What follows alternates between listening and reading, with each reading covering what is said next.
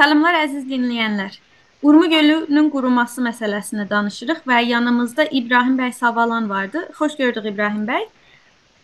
Mən Çox sağ olun. Birinci sualımızdan başlamaq istəyirəm. Sizin çox vaxtınızı almaq istəmirəm. 1380 və ya 2001 ilindən bəri Urmu gölü haqqında nələr olubdu akademik anlamda? Urmu gölü konfransı var idi. Onunla bağlı nə deyə bilərsiniz bizə?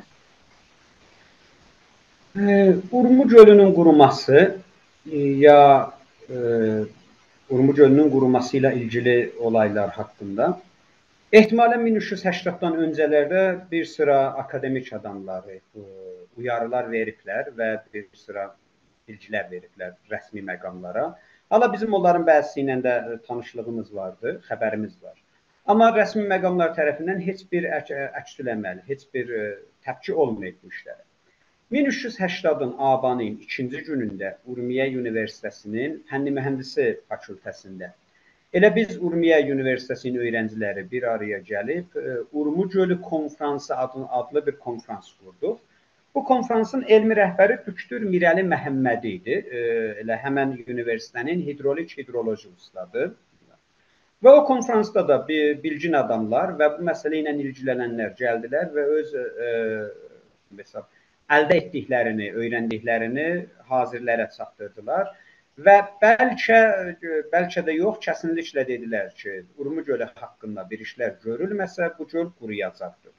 Hətta yadımdadır o zamanlar Əncüməni Abxizdariyə İran adında bir də əncümən e, rəsmi bir bəyanat verdi və Seyid Məhəmməd Xatəməy Sumhura bir məktub yazdı və məktubda yazdı yazdı ki, Urmu gölü quruyorsa, e, bütün su mənbələri və su qaynaqları İranın içində olduğuna xatir İran dövləti heç zaman İrandan xaric bir başqa dövləti bundan suçlu və müqəssir tanıya bilməz və bunun bütün məsuliyyətləri İran dövlətinin boyundadır. Və indiki gedişlə və bu bu gölün e, su e, damarlarının qabaqlarının kəsilməsi, səddlərin və bəndələrin vurulması ilə bu gölün quruması kəsindir. Amma İranın rəsmi məqamları tərəfindən bu haqda heç bir addım atılmadı. Təxminən ondan 4-5 il sonra, yəni 1380-ların ortalarında, 1380-ların ortalarında Təbrizlə Urmiyə arasında vurulan Urmu gölünün ortası ilə keçən yol açıldı. O yol Urmu gölünün quruma nədənlərindən biri sayılır e, bilginlərin tərəfindən. Bəziləri deyirlər ki, gölün e, yatağında və suyun altında olan bulaqların gözünü doldurdu. O yolu vurmaq üçün tökülən e, daşlar və torpaqlar. Və bəziləri deyir ki, suyun özünün o hidrolik e, hərəkətinə mane olub, suyu iki dənə şimali və cənubi qismətdə boğub və suyu rakit saxladı və durğun qalan su daha artıq buxarlanır və e, və E, gedir göylərə. Yəni su hərəkət halı halında olduğunda az e, buxar olacaqdır və az buğlayıb və əldən gedəcək. Amma o, o yolun bir ayrı qazancı da oldu. O da bu idi. İnsanların Təbriz Urmiyə gəlgedi oradan oldu və hamı öz gözü ilə yaxından gördü ki, bu göl günü gündən quruyur. Ondan öncə Təbriz Urmiyə gəlgedi Şəbistlər və Salmas məsri ilə idi və çox az olurdu ki, Urmiya gölün insanlar yaxından görsünlər. Və o yaxından görmə 1386, 7, 8 illərində ə, Azərbaycanda bu NGO-lar və dərnəklərin təvəccühün Urmu gölünə tərəf çəkdi.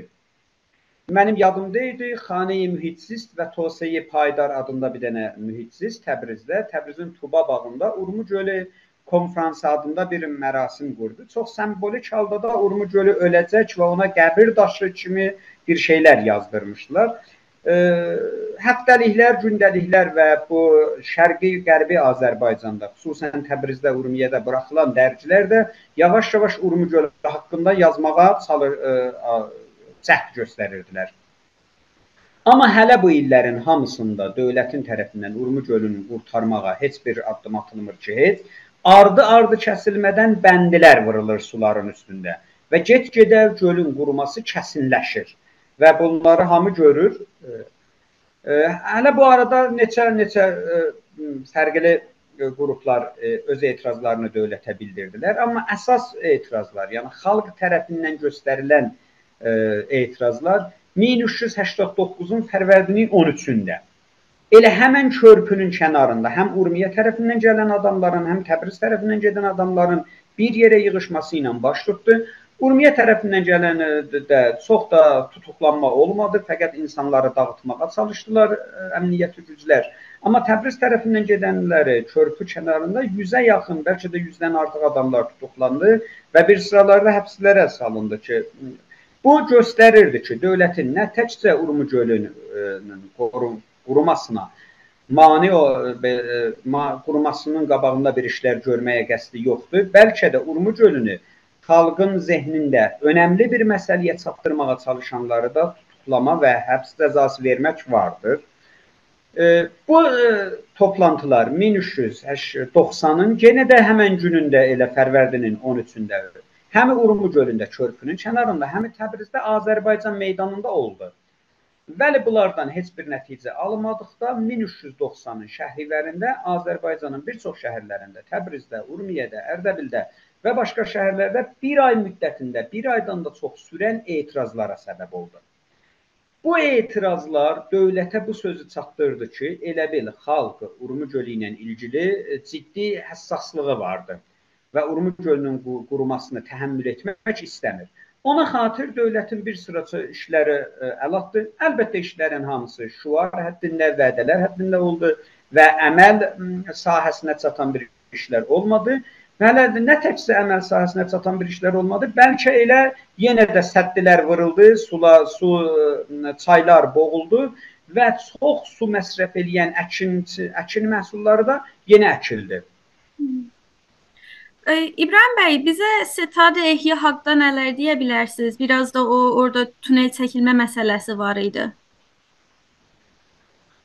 Baxın, bu, bu konuda Örnək olaraq Urmiyədə insanlar gedirdi, məclis vəkillərinə etirazlarını bildirirdi. Ya Urmiyədə, Təbrizdə məsələn gedib valiləri, kustandarları görürdülər.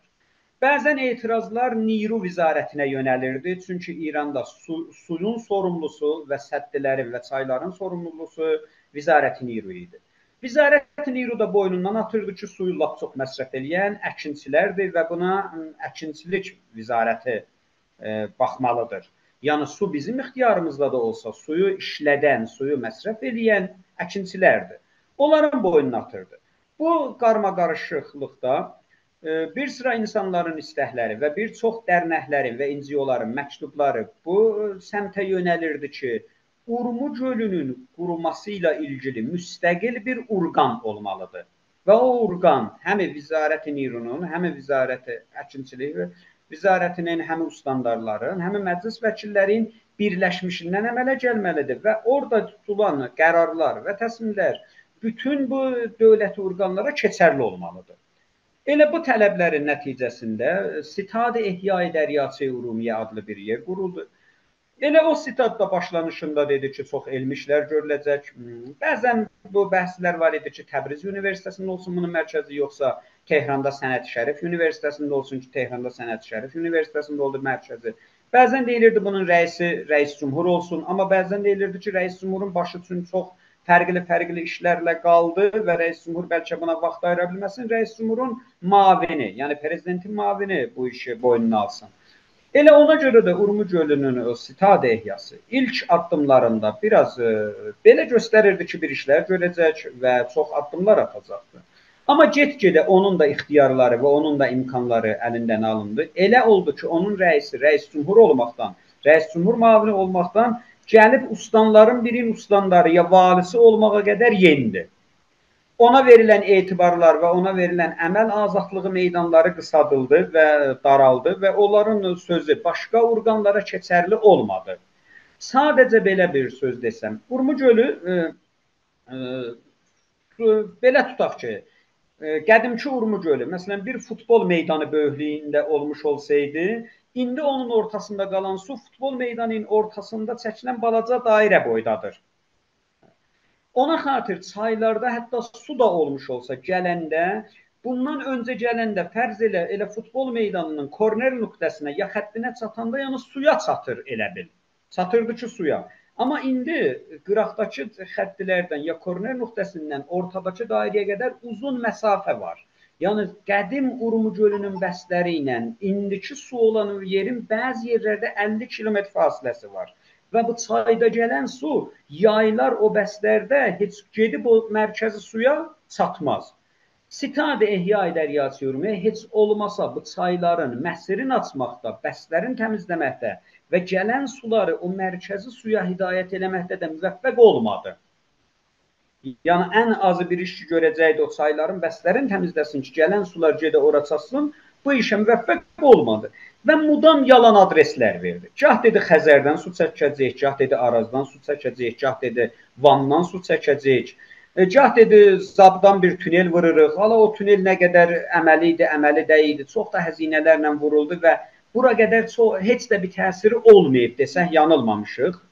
Bir halda ki, bunların hamısını eləmək əvəzində sadə bir işləri, biraz əkinçiliyi məhdudlaşdırsaydı, su su çox məsrəf eləyən e, əkinçilikləri məhdudlaşdırsaydı, çayların, məsirlərin təmizləyib və suyu Urmu gölünə tərəf hidayət eləsəydi, Urmu gölünün ətrafında olan şəhərlərin, fazlabların və atık suların, atık suların e, təmizləyib və e, Urmu gölünə çatdırsaydı, bundan çox yararlı olardı ki, yalandan gündə şuar verək ki, bu günləri e, Çindən adam gətirəcək və Çin dövləti ilə birlikdə iş görəcək. Sabah deyə Japonla danışmışıq, bir gün deyə ki, Xəzər, Araz, Van. Bir halda ki, bunların heç birisi e, e, doğru və düzgün bir yol deyil. Sitad ehya edəriyyatı ümumiyyədə tutduğu hədəflərində və aldığı ə, e, qərarlarda nə qərarları dövləti orqanlara keçərli oldu, nə də uğurlu oldu. İbrahim bəy, ə, Sitad Ehya uğurlu olmadı, ancaq bəlkə ə, ə, axır ə, son dövlətlərdə necə ə, İran dövlətinin fərqli prezidentləri olubdu. Ə, onlar bir iş görməyə ə, çalışıblarmı? Ya bir bu ehya məsələsi ə, buraxılıbmı? Onların gündəmin gündəmində varmı, yoxmu? Yox, gündəmlərində deyil. Mən belə desəm ki, heç əvvəldən gündəmlərində deyildi, yanılmamışam, amma indi də daha net demək olar ki, heç də gündəmlərində deyil. Bəlkə Sitad Ehya 1394-95 arası biraz uğurlu oldu. Çünki o illərdə bir neçə il müddətində az da olmuş olsa suyun artmasına şahid olduq. Amma həmin ruhani dövləti, dövlətinin axir 2 ilində İranda belədir. Prezidentlər 4 il əvvəli çalışarlar ki, ikinci dönə səs qazansınlar. Ona görə 4 il əvvəli biraz bəlkə də bacardıqları qədər xalqın tələblərinə və istəklərinə yaxın bir tutumda ə, e, hazır olurlar, görünürlər. Amma ikinci dönəm səsi qazandıqda heç e, birbaşa buraxırlar və belə də düşünsələr ki, gələn dönə özlərindən əlavə öz partiləri, partiyalarından, öz hizblərindən biri də olmayacaq, mütləq buraxırlar.